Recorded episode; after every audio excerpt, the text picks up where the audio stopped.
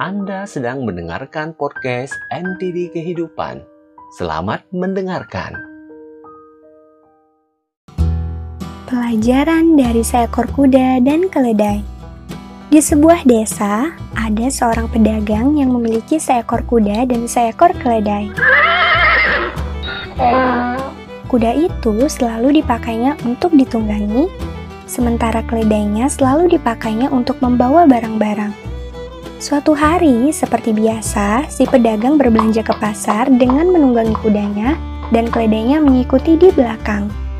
Saat itu, dia membeli barang yang cukup banyak dan kemudian menaruh semuanya di punggung si keledai.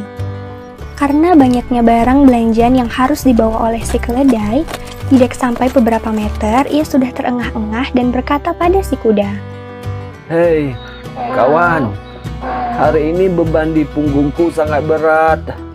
Tolonglah aku, bawalah sedikit barang-barang tuan kita ini.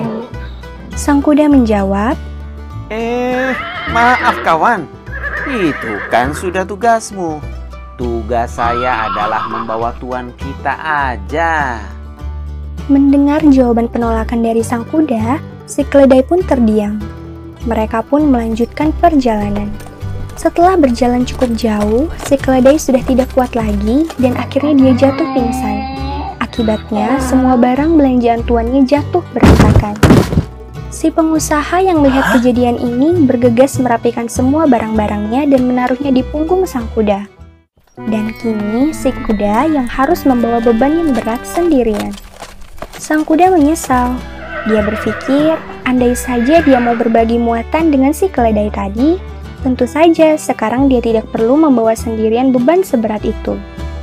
Selama kita mampu, janganlah ragu untuk memberi bantuan kepada siapa pun yang membutuhkan. Karena sering kali menolong orang lain juga adalah menolong diri kita sendiri.